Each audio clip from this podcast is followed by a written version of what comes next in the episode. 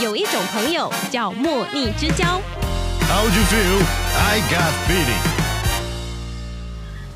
大家好，欢迎收听《莫逆之交》，我是修贝，我是郑慧，哎我是张平，嗯，说到对莫哥的第一印象哦，就是帅，友很善帅，非常帅，而且就是啊身材非常好。对，就是个子不太高了一点点，我倒不这样认为。我看到莫嗯哥的第一印象，我只想到说，哎，这个人怎么会英文，又会西班牙文，又会 法文？ 酷对啊，哦怎么会出现在？在我的生活中有这样子的人？ 没真的错，嗯，对啊，所以莫哥对我们的呃这个关怀也是非常的多，而且、呃、这个印象也是相当的深刻。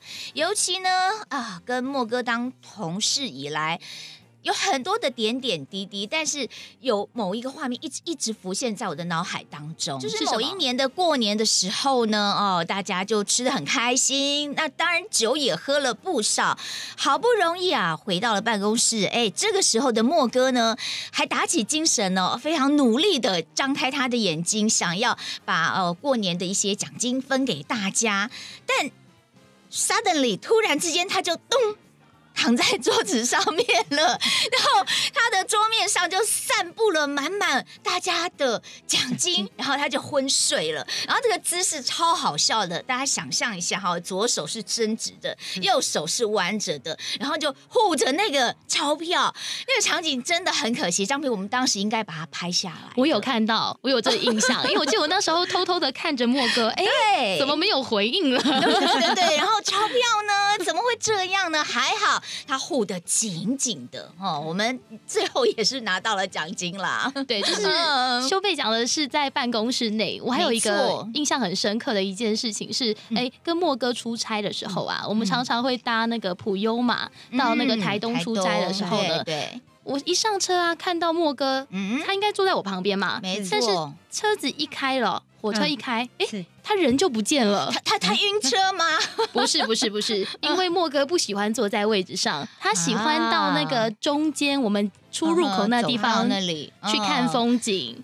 哦，对啊，真的，莫哥就是，我觉得他就像是一个过动宝宝，然后停不下来，每天都很忙碌。而且常常不在位置上哎、为什么 Bingo，没我每次要错找他盖章的时候，他都不在位置上。 哦，对对对对对，没错没错。对，好，对那莫哥对我来讲哦，他其实不不单只是一个同事或是一个嗯伙伴哦，我觉得他是一是个的生活上的导师。嗯，对，而且莫哥最喜欢跟我讲的一句话就是说没问题。然后呢，跟大家讲的也是没问题。